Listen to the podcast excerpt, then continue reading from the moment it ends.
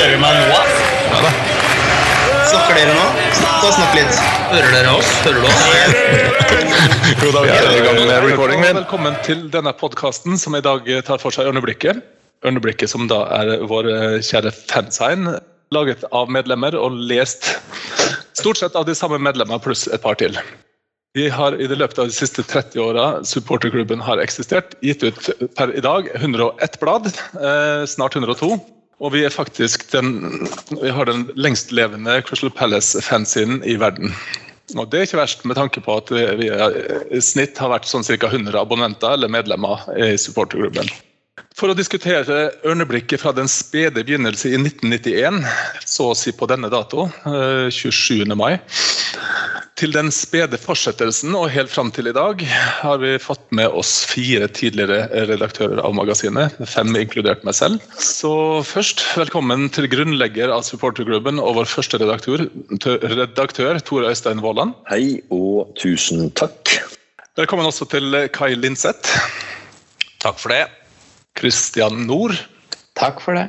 og Inge Lauritzen. Hei og takk. Hei og.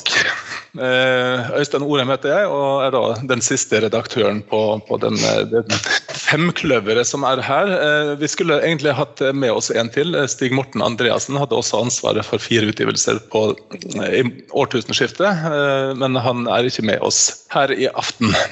Vi kan jo først eh, lese opp eh, de utgivelsene som, eh, som vi har per i dag. Eh, 101 per i dag. Tor Øystein, du starta opp med nummer én og holdt det gående til og med nummer åtte. Mm. og Kai, du kom inn også på nummer åtte og, og var med helt fram til nummer 30. Eh, Dette var i tidsrommet 1994 til 1999. Så kom Stig Morten inn i bildet og hadde utgivelsene 31 til 34. Inge, du kom inn eh, i februar 01 eh, med én utgivelse, pluss at du var med litt på neste også, sammen med Kai. Kai, du var med på den halve, la oss si den halve 36 helt til nummer 38, før da Christian eh, kom inn og hadde 11 utgivelser mellom 2002 og 2006. Så er det tilbake til deg, Inge. Du hadde også da eh, ti utgivelser eh, i rekkefølge da, i, i perioden 2006 til 2009. I 2010 eh, kom det en eh, tullebukk inn som heter Øystein. Det er meg. Eh, han har holdt det gående nå i 40 utgivelser. Eh, og er i ferd med nå å sluttføre nummer 41, eh, som er da vår utgivelse nummer 102. Så må jeg eh, rett og slett takke alle, alle som er med på denne podkasten her nå, for, for innsatsen som vi har gjort så langt. Vi skal prøve å diskutere oss litt igjennom alt sammen, som nevnt. Fra den spede begynnelse og helt fram til i dag. Så da er det ganske naturlig egentlig å begynne med nummer én, er det ikke det?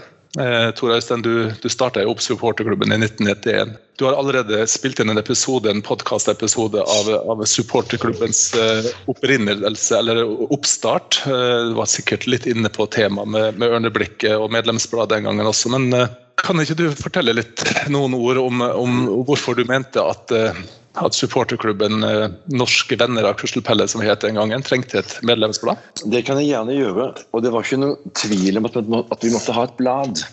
Det var, det var helt nødvendig å koble etableringen av klubben til å lage et blad, fordi det var den eneste måten å kommunisere på. Det fantes ikke noen digital kommunikasjon. Alt måtte skje per post eller i blader, trykte blader som ble sendt rundt.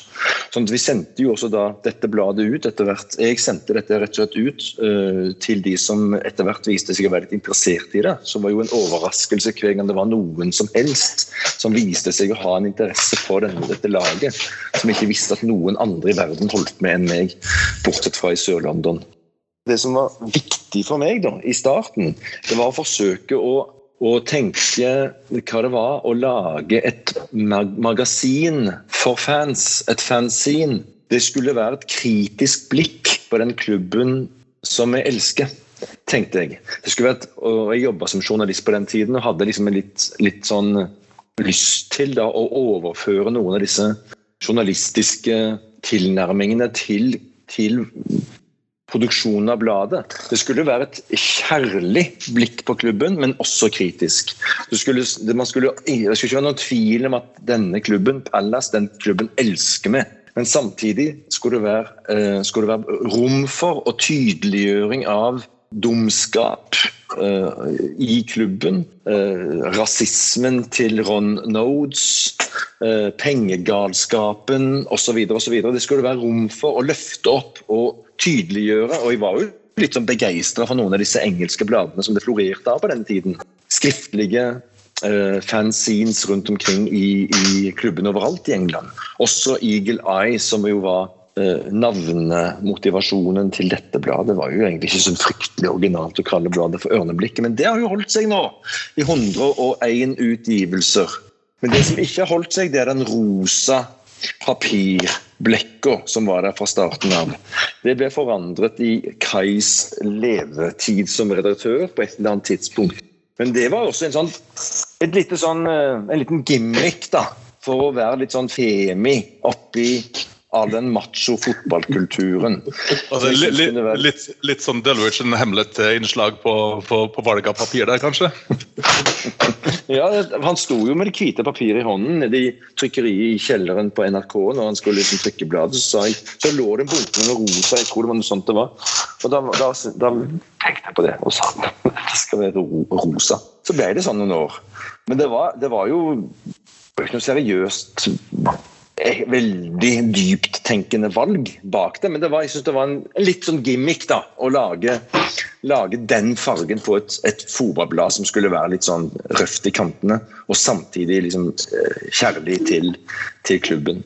Ja. Det blir jo farget av, av den man til enhver tid er, da, dette, dette bladet. Men jeg syns det var viktig å ta inn noen sånne journalistiske prinsipper. da, altså, til, Kritisk tilnærming til, det man, til den klubben man var glad i. Ja, for det, det er jo gøy det at du nevner den rosa fargen, Tor Øystein. For det er, jo, det er jo en ting som, i hvert fall i, i, supporterklubbens begynnelse, var jo en ting som gjorde at Ørneblikket var et helt annerledes blad. Det så jo ikke, altså De fleste sånne eh, supporterklubbbladene på den tida de, de var ganske like. De var trykt på, på, på kartong, og så var de eh, alltid hvite inni, og så hadde de gjerne sånn farga kartong eller hvit, hvitt omslag. Og, og Ørneblikket var jo det eneste som var rosa, og noen ganger på sånne årsmøter i supporterunionen og sånn, så la man jo alle disse bladene ut for sånn offentlig skue. Og da, da, da, da skilte jo Ørneblikket seg ut. Noe så til de grader.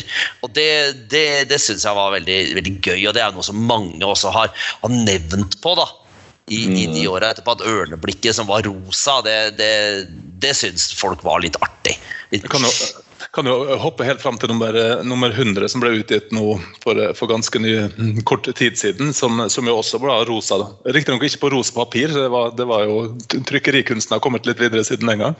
Men det ble jo også lagt merke til da, da faktisk eh, han Børslid i TV 2 eh, viste fram eh, det på sendingen. Så, så nevnte han jo det at han sa vel eh, fantastisk eh, utgivelse på rosa papir og greier. Kjempebra. Han sa sa det, og det var veldig morsomt. Øystein, Da jeg fikk det bladet i posten, så hylte jeg av glede. Det var Ja. kjempemorsomt. Den var så god gimmick, da, og så etterligner noe av det fra noe av det som var, hadde vært der da, i nummer én den gangen for 30 år siden. Det Altså, var veldig morsomt. ikke, ikke, ikke bare det, men det er jo en etteraping av den første forsida. Ja. Ikke sant? Det er det. Til og med med, er med bildene, med, med teksten. altså Det er jo den aller første forsida opp av dage, og det syns jeg er ufattelig kreativt. Kjempegøy. Ja, kreativt, Jeg, jeg, jeg, sleit, jeg, sleit litt med å finne et bilde som skulle passe. Townsend passer veldig bra, men hvis dere ser godt etter, så ser dere at jeg har speilene. Eh, Det ser du på shortsens, nummeret på shortsen. Der, eh, han er jo nummer ti. Eh, Der står det 01, eller speilvendt iallfall. Så, så jeg, måtte, jeg måtte vrenge over i for å få det til. Nei, bra, Øystein. Yes, nei, skal vi hoppe litt tilbake igjen, eller fremover, eller tilbake i tid igjen. og eh, ja, Tor Øystein, du, du var som sagt med i, i de to første åra her som, som redaktør og ildsjel i supporterklubben. Kai, du kom jo også inn som en ildsjel etter hvert.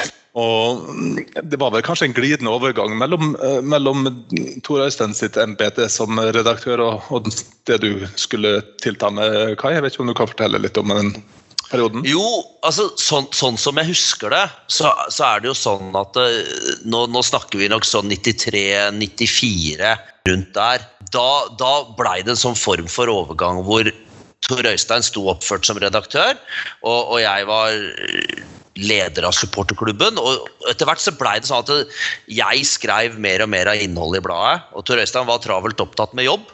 Eh, Jeg studerte og hadde god tid til å lage Ørneblikket, og jeg var veldig veldig engasjert i det. Så det blei at jeg skrev masse. Og jeg husker jo at eh, jeg sendte jo ofte altså Et par numre så ble det sånn at jeg sendte et nesten ferdig blad til Tor Øystein, som lagde forsida. Og så ordna Tor Øystein med, eh, med trykking og, og utsending av bladet. Og så formaliserte vi vel det der på et eller annet, eh, et eller annet årsmøte.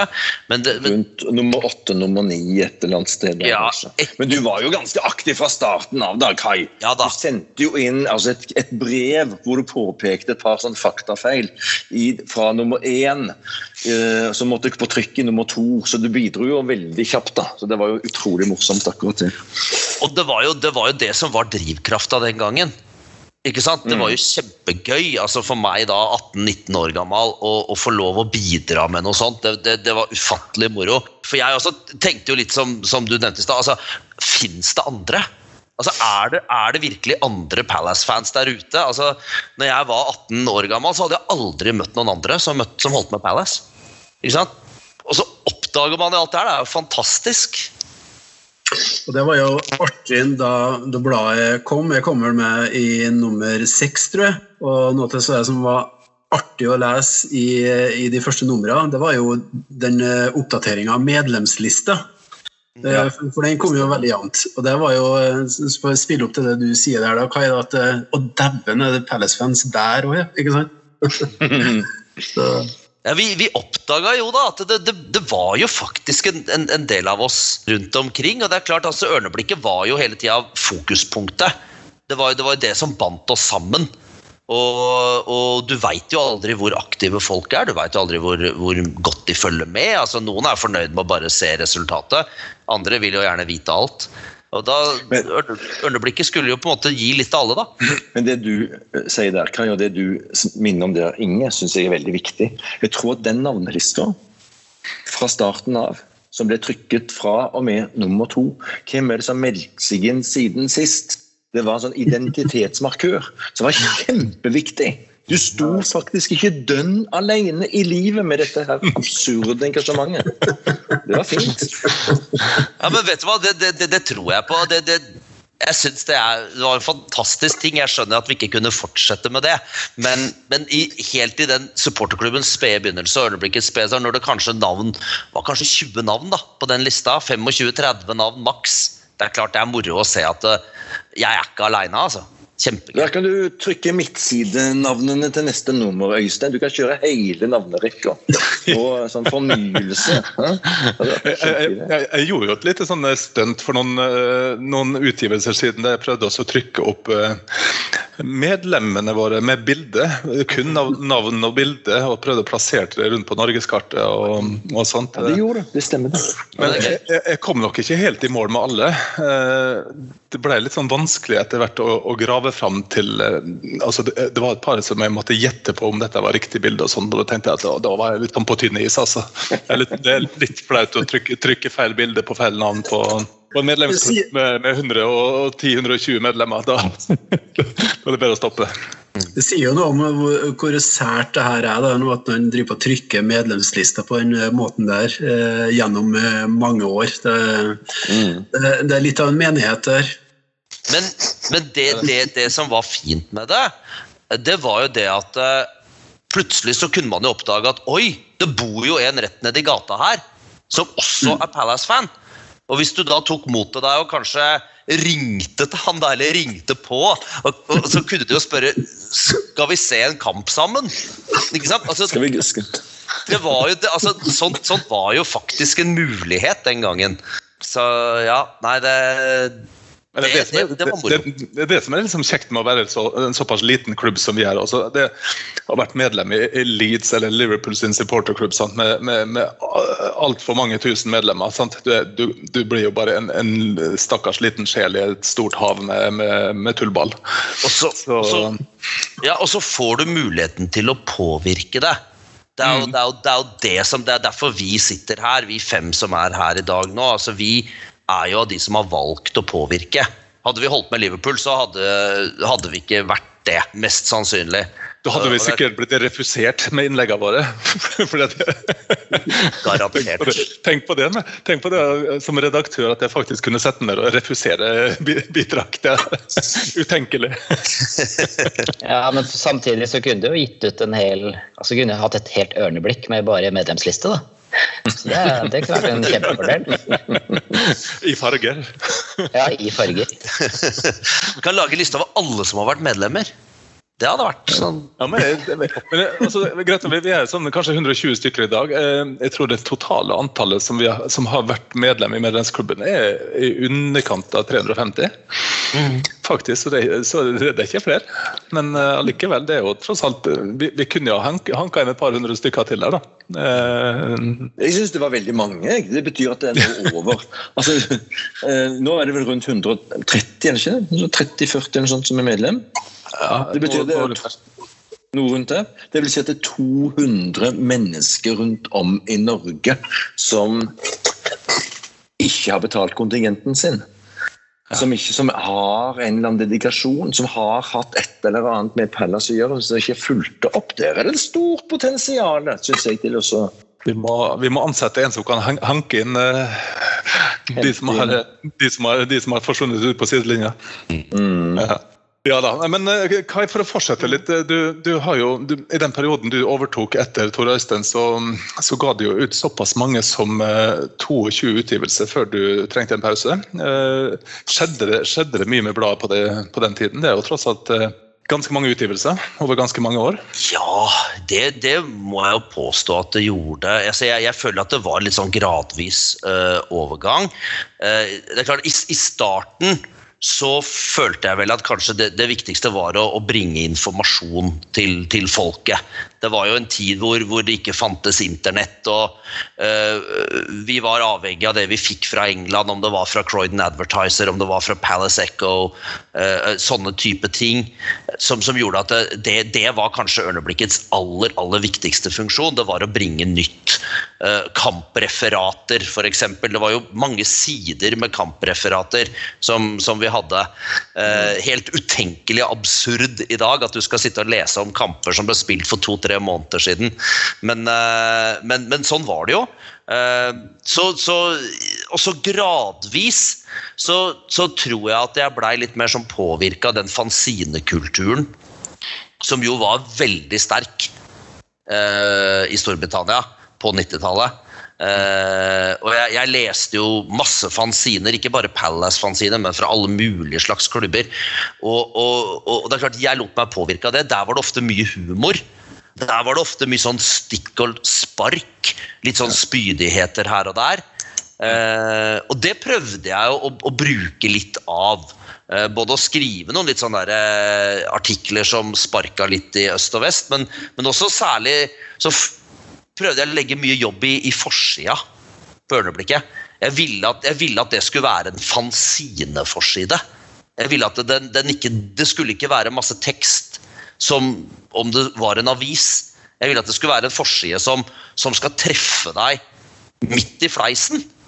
Eh, om det er humor, eller om det er litt mer sånn spydig, eller om det er litt mer sånn underfundig, så, så la jeg ganske mye jobb i akkurat det. da, At liksom Ørneblikket skulle ha en forside som ikke ligna på noen andre blader. Ikke bare var det rosa en periode, men det skulle jo gå over til eh, rød og blå omslag annenhver etter hvert. Men, men det å ha en forside, det syns jeg var viktig. En forside med litt sånn smell i. Jeg er enig med deg i det, Kai. Det, det er for så vidt noe som er også Det, er- det, det morsomste egentlig med å være redaktør, det er, det er jo å klekke ut eh, forsiden. Det, det syns jeg faktisk den dag i dag. Det, skal, det skal være noe som er litt i tiden. Det skal være noe som, som folk når de ser det, så tenker aha, ja. Det passer jo for anledningen, eller, eller noe i den duren. Og gjerne, gjerne litt humor og litt, eh, og litt sarkasme og litt uh, galskap, sånn som, vi, sånn som vi liker det.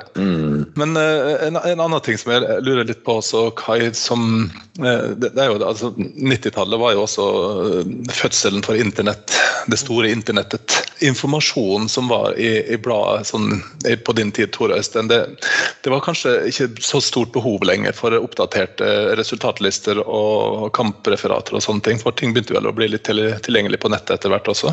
Det tok lengre tid enn du trodde. Altså, jeg gikk på universitetet i Tromsø sånn 94, 95, 96. Og da hadde vi fått internett der. Og da hadde nesten ingen internett. Altså, det var, det var bare noen svært få som hadde internett. Palace hadde jo ikke nettside engang på den tida. Men etter hvert så oppsto det en, en e-posttjeneste, som kanskje noen av dere andre husker også, som heter CP Friss. Eh, Crystal Palace Fast Results and Information Service. Av en fyr som het Ray Bateup, som sendte ut, uh, om ikke daglig, så i hvert fall jevnlig annenhver dag. Altså, så kom det da nytt, og han, han, han linka opp til avisartikler, han skreiv av avisartikler, og det var jo en gullgruve for oss som skulle lage blad. For da fikk vi liksom litt sånn blodferske nyheter istedenfor å, å, å, å vente ukes og månedsvis på, på nytt fra England, så fikk vi det jo liksom med en gang på e-post. Og det Nå var det det skjedde? Nå var det de e-postene begynte å rulle inn? Er det noen som husker det? Det har vært på slutten av 90 og- 90-tallet. Nei, det var, var før det, altså. Jeg tror det var ja, Når kan det ha vært, da? 96-97? No, noe rundt der? Det var jo før liksom det ble vanlig med all slags nettsider. E-post var jo lettere på mange måter. Eh, og, det er klart, det, det, det var viktig i min tid som redaktør å prøve å ha litt sånn derre eh, blanding da, av litt sånn redaksjonelt stoff og, og litt humor og litt eh, fakta. For det var jo, det var jo de færreste som, som, eh, som, som hadde tilgang på det den gangen. Nei, men greit. Eh, Jeg hopper litt videre, eh, hvis det er greit for deg, Kai. Takk for, eh, takk for gode år tilbake på 90-tallet her. Stig Morten Andreassen han kom inn i bildet ved årtusenskiftet ca. Han er ikke med oss i dag, men jeg vet ikke om du Kristian, har Du har jo god koll på hva som skjedde rundt, rundt tusenårsskiftet, så har du noe- noen synspunkter å komme med på de utøvelsene som, som Stig Morten var ansvarlig for? Ja, jeg husker, eh, jeg husker at Kai var, liksom, var litt klar for å eh, gi stafettpinnen videre, da. Og, og hadde vel mer eller mindre annonsert det i Ørneblikk, hvis jeg ikke husker helt feil. Og så var det vel et årsmøte, antageligvis et av de første årsmøtene jeg var med på, så, så var det kommet inn, noe, kommet inn en søknad om å, om å få overta som redaktør. En ganske sånn fin og formell søknad fra Stig Morten. Og da var det jo det, var- det, var- det, var vel ikke bunkende søknader. Det var ikke- ville protester heller, vil jeg tro. Nei, det var ikke det. Eh, Så da var det jo egentlig bare å, å ja, gi stafettpinnen til han. Og jeg synes jo, jeg har lyst til å si det at jeg syns det er ganske eh, modig gjort da, å komme sånn fra utsiden. fordi de andre skal si, overgangene mellom redaktørene her har jo vært eh, stort sett folk som kjenner hverandre, eller som i hvert fall har vært, hatt noe kontakt med hverandre. Så det er på en måte, kall det en slags indre krets eller, eh, eller lignende, da, så, så kommer han utenfra og, og tar faktisk over. og Det, det syns jeg er veldig det står respekt av. Absolutt. Men eh, ja, og, og de utgivelsene hans også var jo Bar nok også etter hvert preg av mangel på, eh, på bidrag. Det ble, ja, det tror jeg han vil tipper han vil eh, kunne bekrefte. At det var ikke veldig mange bidrag som dukket opp der. Det, det, det har jo vært Ørneblikkets svøpe i, i nå i, i 30 år. Altså, Det har det vært, og likevel er det blad. Ja, det, Utrolig nok. Utrolig nok. Men altså, det, det, er, det er ikke få ganger eh, jeg har skrevet og bedt folk om å skrive. Øystein har gjort det mange ganger. Jeg regner med Inge og, og Christian har gjort det. Alle, alle har jo på en måte tatt opp dette her. Og så, og så, og så dukker det opp noen, da. Iblant, Ja. som, som, som tar meg opp og Der må jeg jo bare få lov å nevne Bent. Bent Fønsbakke i, i Danmark, som nå har levert trofast stoff til Ørneblikk. Jeg veit ikke hvor lenge, men det, det er godt over 20 år, altså. Tror jeg. Hvor, hvor Bent og han, er- Det er helt Altså, Bent, hvis du hører på det her, tusen takk. Altså. Absolutt. Ja, veldig, veldig, veldig bra. Det var jo også omtalt i i et av de siste ørneblikkene som jeg ga ut det her, at han eh, faktisk har bidratt med et godt antall, eh, godt antall eh, bidrag. Eh, Det var snakk om eh, flere hundre, da, eh, faktisk, i sin tid. Han, han, han bidrar jo til, til det kommende ørneblikket 102 nå, da, så har han kommet med tre eh, separate bidrag. Og det, det er morsomt. Så ørneblikket er, er jo mm, stort for Bent, men det, det tilsvarende Bent, du er stor for også. Og, Men litt sånn fun fact på siden her. Jeg, jeg googla så vidt ørneblikket Danmark her nettopp, og det, det er jo absolutt ikke noe som, eh, som kan sammenlignes med, med det norske ørneblikket. For ørneblikket.dk det er jo en, eh, en veldig eh, religiøs side som, som Jeg vet ikke om det er sånn dommedagsprofetien i bildet, der, men det, det har jo ikke noe med, med vårt syn å gjøre på, på dette nivået, iallfall. Det, det, Nesten litt det, det, religiøst, dette her òg. Ja, det, har, det har vært mye dommedagsprofeti. Ja, det har det altså. Nå Det har altså. det vært. Det har det vært. Det har det vært. Jeg ville tro det hadde handlet om ornitologi. Jeg. Det var jo det jeg skrev om i nummer én. At, dette, at For de uinnvidde så kunne man tro at hele bladet skulle handle om ørner og fugler. Yes, eh, Vi går videre. ved. Eh, Etter, etter at eh, Stig Morten eh, trakk seg som redaktør, så kom du inn i bildet, Inge. Eh, Du var med på utgivelse nummer 35. Dette var tilbake i februar 2001. Eh, Du var også med på deler av nummer 36. Jeg vet ikke om du husker noe fra den tiden? Eh, Om du kan fortelle litt om det? Nei, altså Hukommelsen er ikke veldig, veldig stor. Jeg husker at jeg drev og skrev det her eh, Palace Diary, som, som Kai var inne på, da, som, hvor jeg da klippa fra CP Friss og oversatte. og ja, Det ble jo tre, fire, fem sider med gjengivelser.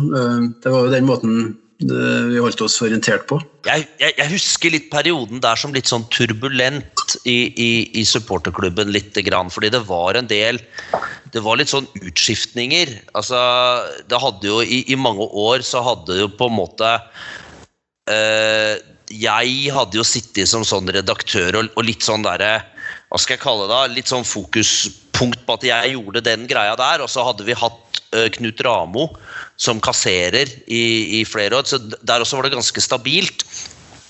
Og så hadde jo jeg dobla opp med å være liksom redaktør og leder, og så hadde vi hatt noen ledere som kom og gikk.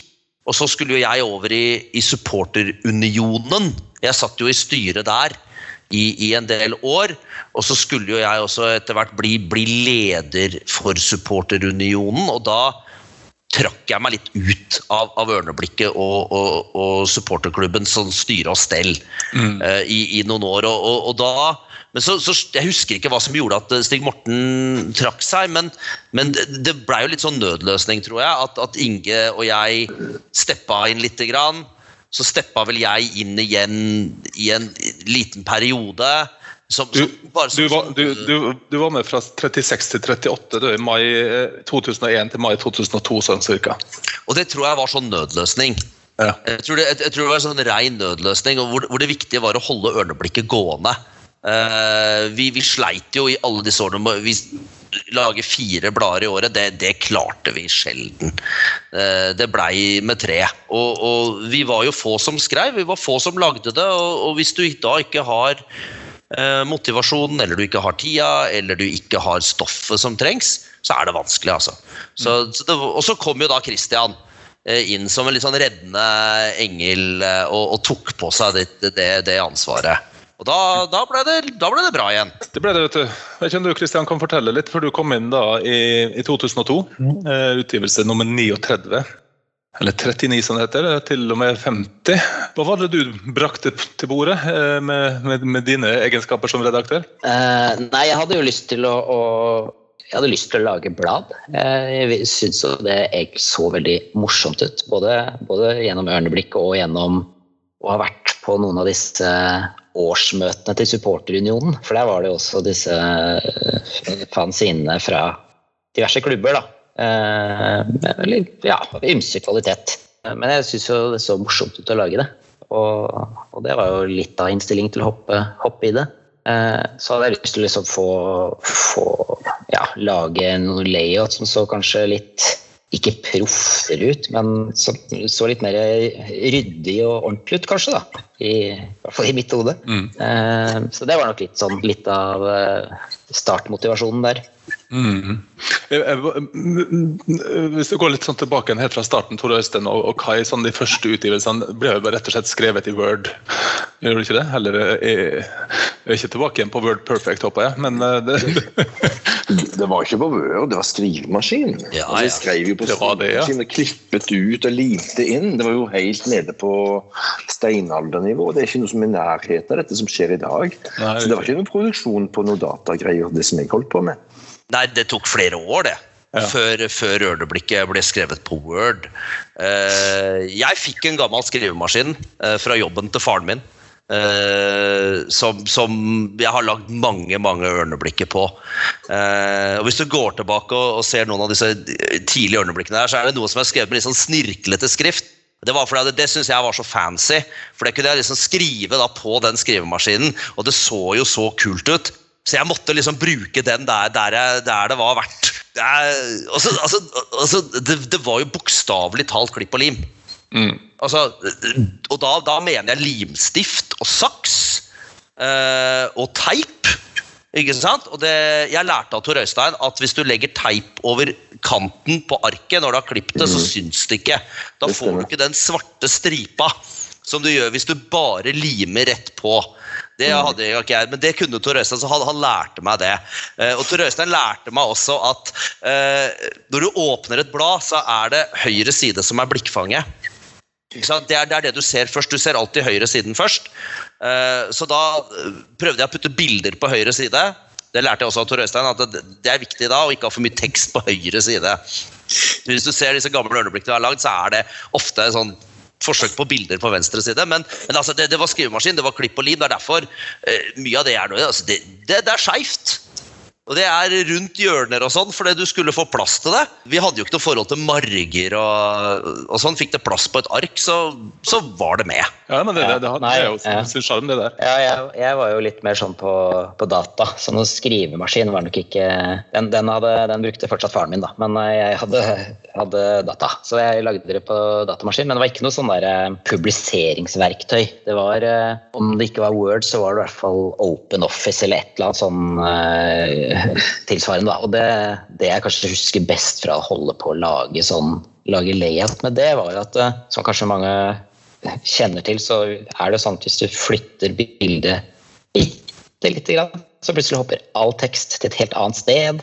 Er sånn, sånn type utfordringer. da, sånn der, Hva heter noe? Ombryting av tekst, eller hva det heter. Ja, jeg husker det. Og, tab ja, og tabeller og alt mulig sånn. Så det, akkurat det var eh, Det husker jeg som en lite sånn lite mareritt her og der. Å få, få, få ting til å klaffe. Jeg, Eh, jeg kom aldri lenger enn Word. Og jeg, jeg kom aldri lenger enn to spalter i Word. Jeg oppdaga jo plutselig at du kunne dele siden i to spalter, og det syntes jeg var kjempefancy. Så det, det, det brukte jeg masse. Og så oppdaga jeg at du kunne lage sånne punkter. Ikke sant? Det oppdaga jeg plutselig. altså Du kunne ha sånne punkter nedover. Særlig hvis du hadde kjøpt en spiller, eller noe sånt, så var det som et punkt med sum, og punkt med når han var født, og punkt hvor mange kamper han altså, Alt dette synes, dette var helt fantastisk for meg sånn ca. år 1996 eller et eller annet sånt. Eh, 7, 8, 9 altså, Jeg hadde jo ikke PC. Folk hadde jo ikke PC hjemme på denne tida vanligvis. Eh, jeg brukte, jeg gikk jo på universitetet, og sånn, og der var det jo datamaskiner, så jeg, jeg brukte jo de til å, å skrive. Eh, for jeg, jeg hadde ingenting å skrive på hjemme, da måtte det bli skrivemaskin. Men, eh, men når, når- Christian tok over, så, så, så, så spisa han jo opp layouten noen hakk. Og så kommer jo Inge etter hvert og, og gjør det ordentlig fint. Så, så det har jo vært en sånn naturlig progresjon, syns jeg, hele veien. da. Nei, men vi, vi kan jo gå litt tilbake til, til der vi var. Eh, Kristian, du, du hadde som sagt ansvaret for eh, utgivelsene 30 9 til 50. Eh, Det ble mer og mer digitalisert, eh, måten vi, vi, vi lagde bladet på, i alle fall. Eh, Innholdet og sånt, ble det noen større endringer på det? Ja, for det, det er litt sånn, jeg var litt inne på det i stad, at eh, med den CP-fris, den uh, e-postlista, den brukte jeg også. Og det var blant annet uh, Farsid, tror jeg, som oppdaterte sånn den Palace Diary. Og også en del kampreferat, tror jeg, i de, i de første utgivelsene mine. Men etter hvert så, så liksom så ble det vel klart at kanskje både det at flere fikk med seg litt informasjon om kamper og om ting som skjedde, og, og også det at det, det var så langt imellom. Altså, de utgivelsene mine var ikke Det var ikke fire i året, det heller, nei. Så da var det kanskje tre måneder imellom, og da var det liksom at, eh, at det var et rykte om den spilleren for tre måneder siden, eller at man spilte en 0-0-kamp mot Grimsby fire, fire måneder tidligere. Det var liksom ikke Trengte ikke å bruke veldig mye plass på det. Men utfordringa da var at da må jo den plassen gå til noe annet, og da må det nesten nødvendigvis bli noe sånn redaksjonelt. Så det, det var vel også det som etter hvert ble litt sånn derre Kanskje det største presspunktet for å få ut disse bladene. Da, at eh, nå må, nå må, det produseres mer. Da kan du liksom ikke lene seg på, på gammelt nytt. Så det, det, var absolutt en ganske sånn uh, ja, en, en, utfordring i den tida der. Så kom du etter hvert inn i bildet, Inge, på utgivelse nummer 51 til 61. Da er vi, da er vi på slutten av titallet, dvs. Si 2006 til 2009. Du tok jo øyeblikket også til nye, nye, nivåer og høyder, med både layout og innhold og, form og farge. Hva er det du husker best fra den den perioden? Jo, jeg brøt vel litt med den her fanzinetradisjonen, da, i og med at jeg la såpass stor vekt på, på layout.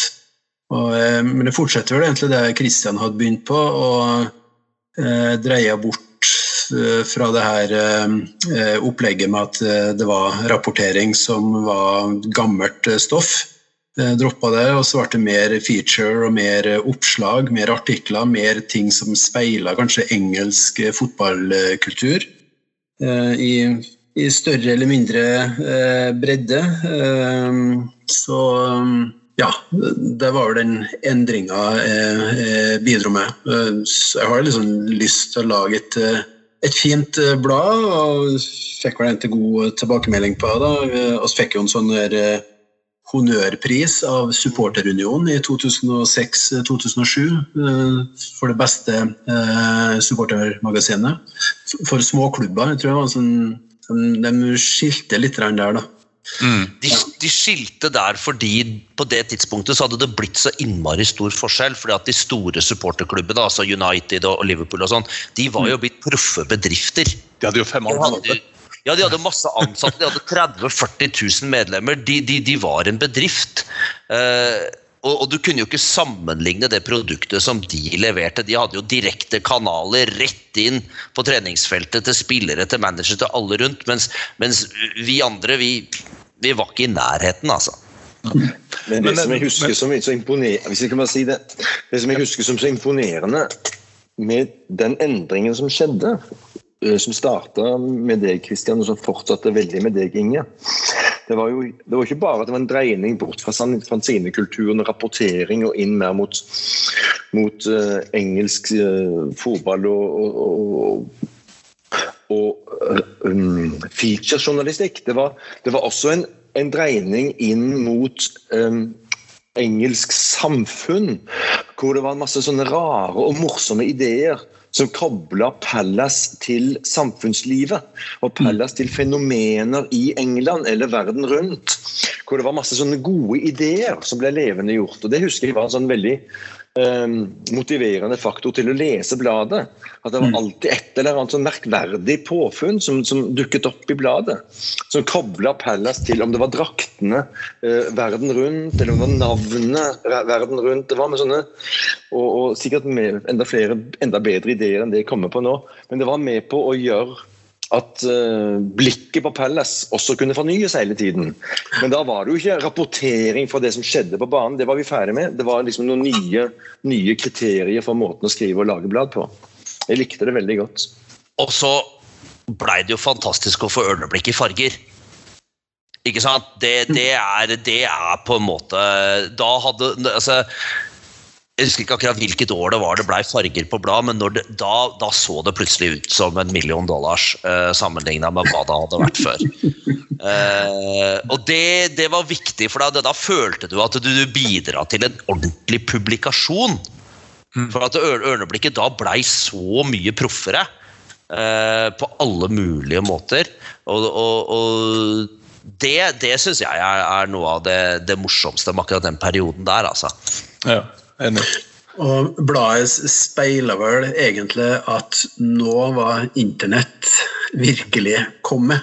Mm. Eh, for det du også er inne på, Tor Øystein, det var jo altså, Jeg gikk satt jo på Google, ikke sant? og du skulle bare skrive Crystal Palace, og så fikk du treff på et eh, heavy metal-band eller et hotell eller en kirkeutsmykning.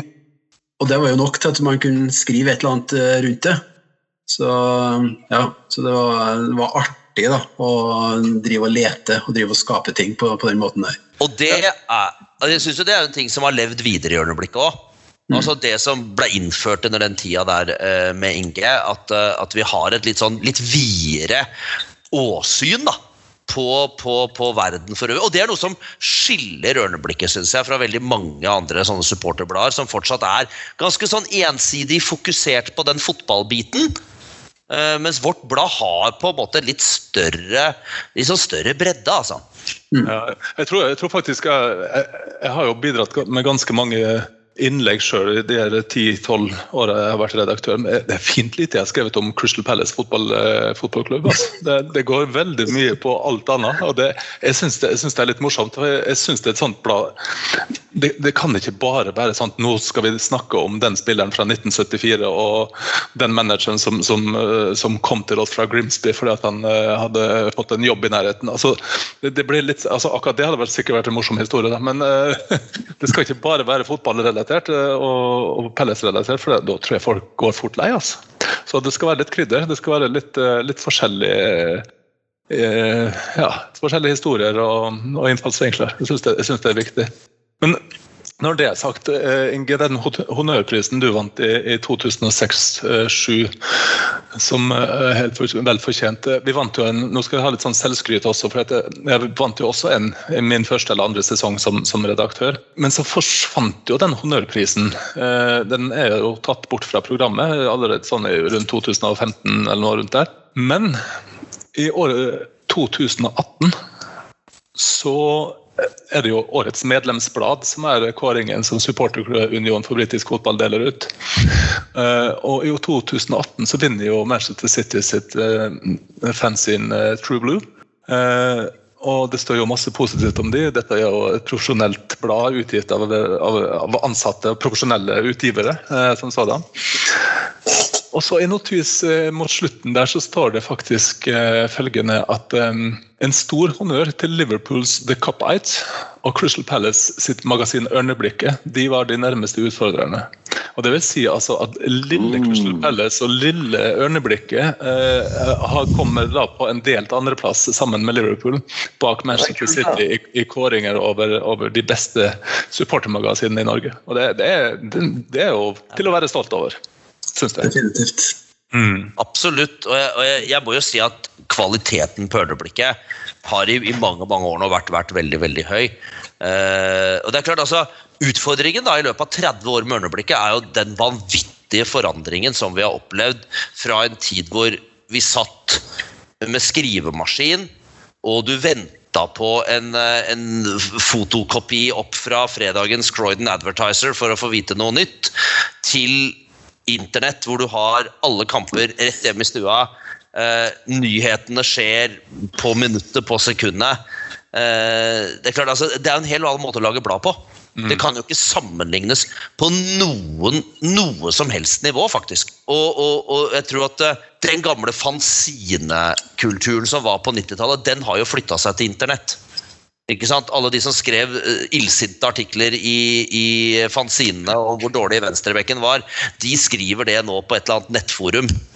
Så, så, og, og, da, og, da, må da må på en måte også ørneblikket forandre seg. da. Det er ikke vits med kampreferater og spillerintervjuer mer, for det er uansett gammelt nytt.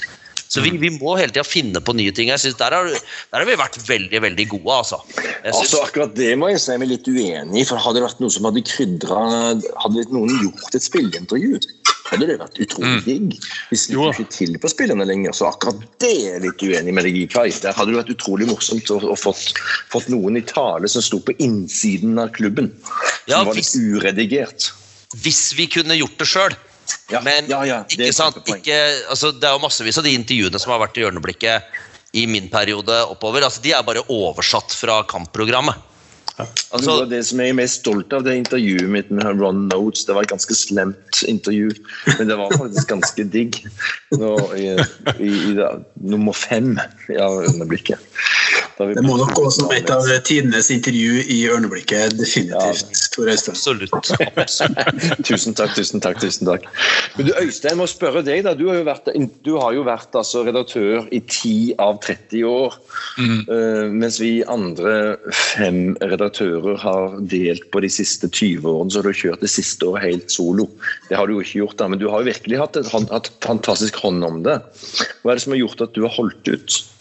Vet du hva, Det har jeg spurt meg om sjøl også. Eh, Men jeg, jeg tror at, at jeg er skrudd sammen på en sånn måte at hvis jeg først på, tar på meg en oppgave, så, så skal jeg fanken det skal gjennomføres, altså. Eh, Koste hva det koste vil. Så jeg er nok veldig sånn ærekjær og, og, og pinlig opptatt av at folk skal ikke bli skuffa over den jobben jeg har lagt ned, iallfall. Sånn at eh, Ja. eh, Med hånda på hjertet. Jeg vet eh, at jeg har gitt ut fire utgivelser hvert år. Hvert eneste år. Altså det, det har ikke vært et eneste unntak. Og det, og, og det tror jeg ofte så, så er det mer på trass enn enn på, på vilje og glede. Så og det, har vært, det har vært tøft, det har vært vanskelig. Det var en periode der jeg faktisk måtte skrive halve bladet sjøl, for det, det kom jo ikke inn bidrag.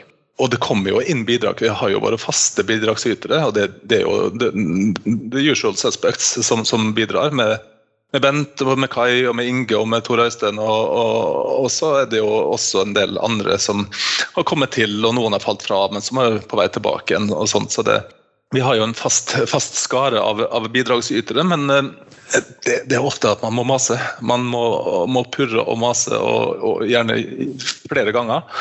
Og så setter man en deadline, og så er den deadline den er tilsynelatende veldig veiledende for folk flest. og da, for Jeg sitter jo også her og prøver å, prøver å planlegge litt sånn min tid oppi, oppi alt sammen. og det, Tid har man jo egentlig ikke nok av. og da, da er det jo det blir et sånt slag i trynet hver gang man sitter der og har satt av en dag til redigering, og så, så kommer alle bidragene et døgn forsinka. Så kjenner på det. Og det som er viktig her, er at Ørneblikket lager ikke seg sjøl. Det blir ikke bedre enn vi gjør det sjøl, og, og, skal det bladet leve videre, hvis Ørneblikk skal leve videre, så må faktisk folk ta i et tak. I hvert fall i denne dag og tid hvor, hvor det er internett som dominerer, og, og ikke det trykte medium lenger.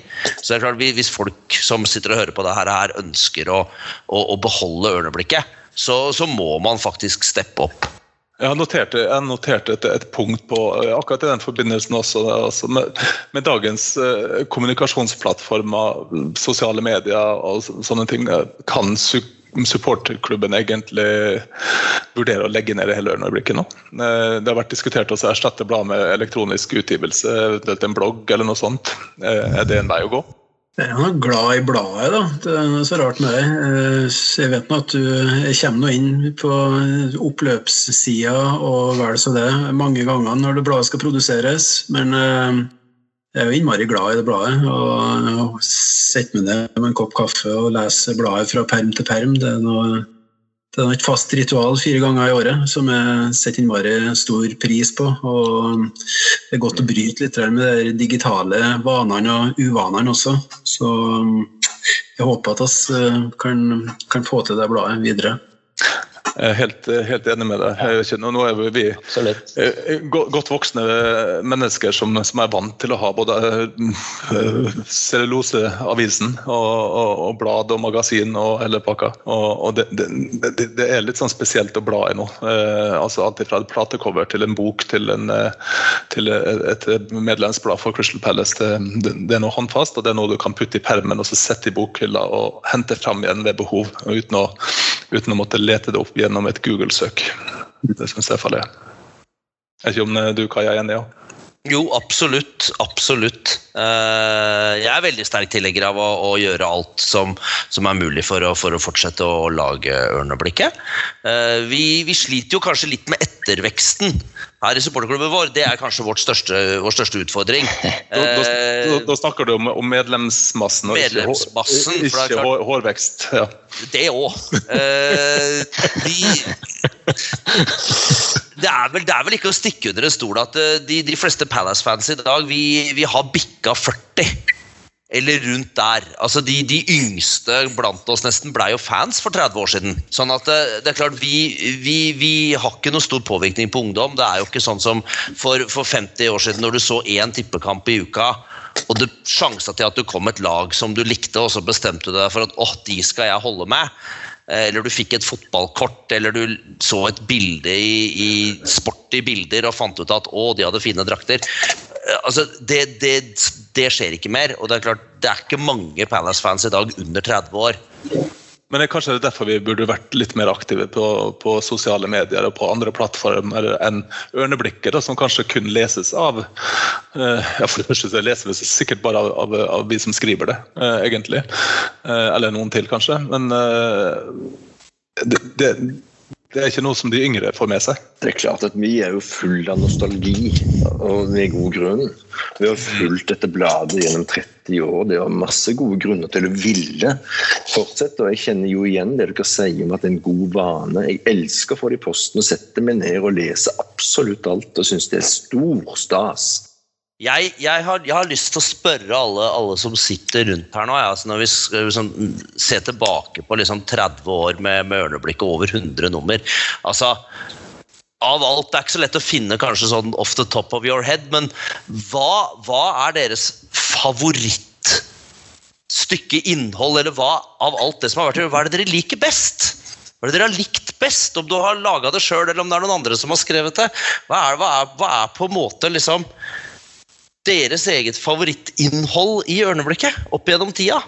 Med fare for å være veldig sjølsentrert, da. Jeg, jeg syns det var utrolig artig å dra til Swindon og besøke Don Rogers og intervjue han. Eh, det syns jeg var eh, kjempemessig. Så, eh, men av andre artikler jeg har produsert eh, Jeg prater litt om meg sjøl her nå. Eh, den der med eh, musikk og, og favorittlag i fotball. Eh, husker dere den? Mm. Eh, det var en sånn eh, altså, Såpass interessert som jeg er i musikk, og såpass interessert som jeg er i fotball, så var det utrolig artig sak å, å lage. da. Og Jeg fikk jo den på trykk i 442. Med, var det Tom Stalsberg som var redaktør der? Altså Han satt bort den der eh, redigeringsjobben til, sikkert til en sånn der eh, sekretærdame fra Latvia, eller noe sånt, så hun kåler jo til hele ar- artikkelen noe så vanvittig. Men den kom jo på trykk, da, på glossy papir i 442. Men eh, intervjuet til Tor Øystein med Ron Nodes eh, er jo en, eh, også en liten klassiker. Ja, Jeg kan nesten altså- sendte meg i retten, men jeg slapp. Jeg kan jo for så vidt også bare nevne sånn fort i farten Jeg, jeg, jeg husker jo eh, rett etter at jeg ble, ble eh, redaktør for Ørneblikket, eh, jeg tror det var første eller andre utgivelsen, jeg tror kanskje det var første faktisk. Eh, Jeg skulle bli far for, for tredje gang også, eh, og jeg satt faktisk Jeg hadde avtalt intervju med Arne Skeie, og det intervjuet ble gjennomført eh, på fødestua. Eh, mens, mens, min, mens eh, min, min bedre halvdel satt, eh, eller lå, og, og, og gjorde seg klar, for å si det sånn. Det var en time etter at, eh, at eh, Arne Ball hadde lagt på røret, så, så var fødselen over. Så det var, det var minne, minne, altså minneverdig for min del, iallfall. Ellers så, så har jeg også lyst til å trekke fram eh, Jeg, jeg syns det er veldig stas med de som bidrar for første gang. Eh, Vi har hatt en del sånne, sånne som, som har bidratt, eh, og det, det syns jeg alltid er stas. Med noen nye fjes som, som dukker opp. Et nytt fjes som dukka opp for, for ja, det er ti utgivelser siden ca. Kjetil Jansen han eh, skriver utrolig bra. Han eh, har en underfundig humor og en veldig fin formidlingsevne. Han eh, kommer også med et bidrag i Ørneblikk 102 som etter min mening topper det hele. Og det, det er bare å glede seg, folkens. Da må jeg få dra frem han guttungen som ble presentert for en par nummer siden. Det var Marcel, ja. fantastisk. Ja, det var gøy. Det gikk på oss. Mm. Yes. Ja, jeg husker, husker også tilbake til 90-tallet. altså Palace hadde vært på turné i, i Norge. Eh, og Kai eh, formidler noe av de opplevelsene eh, der, da. Og, og det er jo veldig morsomt i seg selv, men også morsomt at det da i neste nummer kommer, kommer et slags ja, hva skal jeg si, ja? et eh, motsvar. Et eh, dels illsint innlegg fra eh, kona til et medlem eller et eller annet sånt da, som, som blei vel litt eh, hva skal jeg si, ja, krenka, er vel kanskje det moderne ordet på det. Eh, på vegne av mindre steder rundt om i Norge. Vet du hva, det, Akkurat den, den der er helt fantastisk. for altså, Nå har vi bedt om liksom å få liksom, bidrag til Ørneblikket. alle. Og det, Kanskje det morsomste av alt er, er liksom dette svaret fra kona til dette medlemmet. Uh, jeg visste ikke at kodene til medlemmet leste bladet engang, men hun ble, hun ble dypt krenka på Bygde-Norges vegne. Eh, for, fordi jeg hadde jo da den, Denne artikkelen handler da om Palace sin sommerturné i Norge i 1996.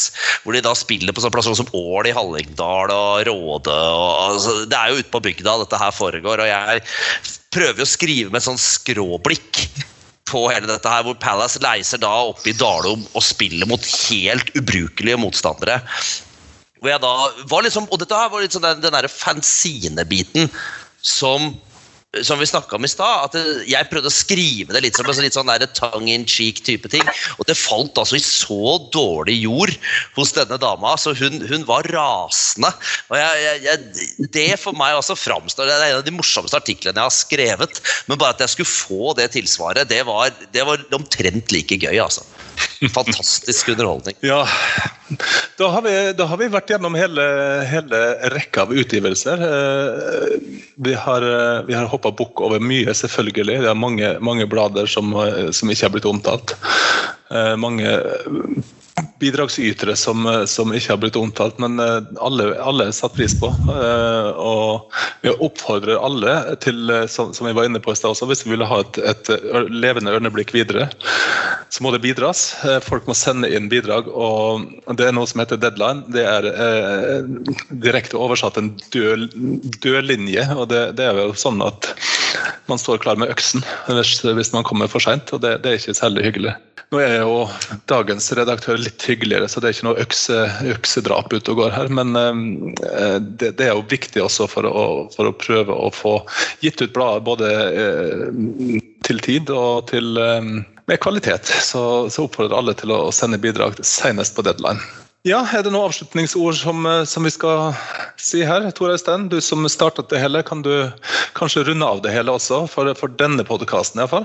Jeg syns jo noe av det som har vært eh, kjekt å, få med nå i denne samtalen, er denne, denne, det som vi har opplevd å få fram av utviklingen fra skrivemaskin og en eh, og de første numrene hvor vi trykka navnelister og lange, mange mange sider referater av, av kamper som var spilt for mange måneder siden. Så den der måten å bli informert på for 30 år siden, som er totalt annerledes enn i dag. Og det stiller også da noen krav til hva som er interessant å lese om i bladet. Og Da må man også finne nye fenomener, nye måter å tilnærme seg klubben på. Og jeg tenker at Det å rekruttere folk som, som ikke har skrevet før, som vi nå har snakket litt om, det synes jeg er en veldig veldig fin tanke. Og Da er det viktig å få folk til å skrive for første gang, og ikke minst for andre gang. Så Da må vi bidra med å backe opp Ja. de som hører på, og som har lyst til å skrive. For å skrive om både sine eh, erfaringer, hvorfor de er interessert i Palace, og noe, noe et eller annet merkelig fenomen som ikke nødvendigvis har med fotball å gjøre. Jeg tror det er viktig også å påpeke det at det, det er veldig lav terskel, eller hva det heter for noe dørstokk, for, for å for å komme med bidrag. Eh, om man er usikker på sine egne skriveferdigheter eller grammatikk, eller sånne ting, så, så gjør ikke det nå. Vi har, vi, vi, vi, har muligheter til både å hjelpe og til å gjøre om på noen setninger og, og sette et par eh, komma og et punktum her på riktig plass. Det, Ja, og Redaktøren har jo så behjelpelig hjulpet meg med å bytte og justere navn på spillere som når jeg har plassert de feil i teksten. Så er det hjelp på alle plan. Det er det. Da sier jeg tusen takk for, for fremmøte og oppmøte til, til alle sammen, og ønsker dere en riktig god kveld. Ha det bra.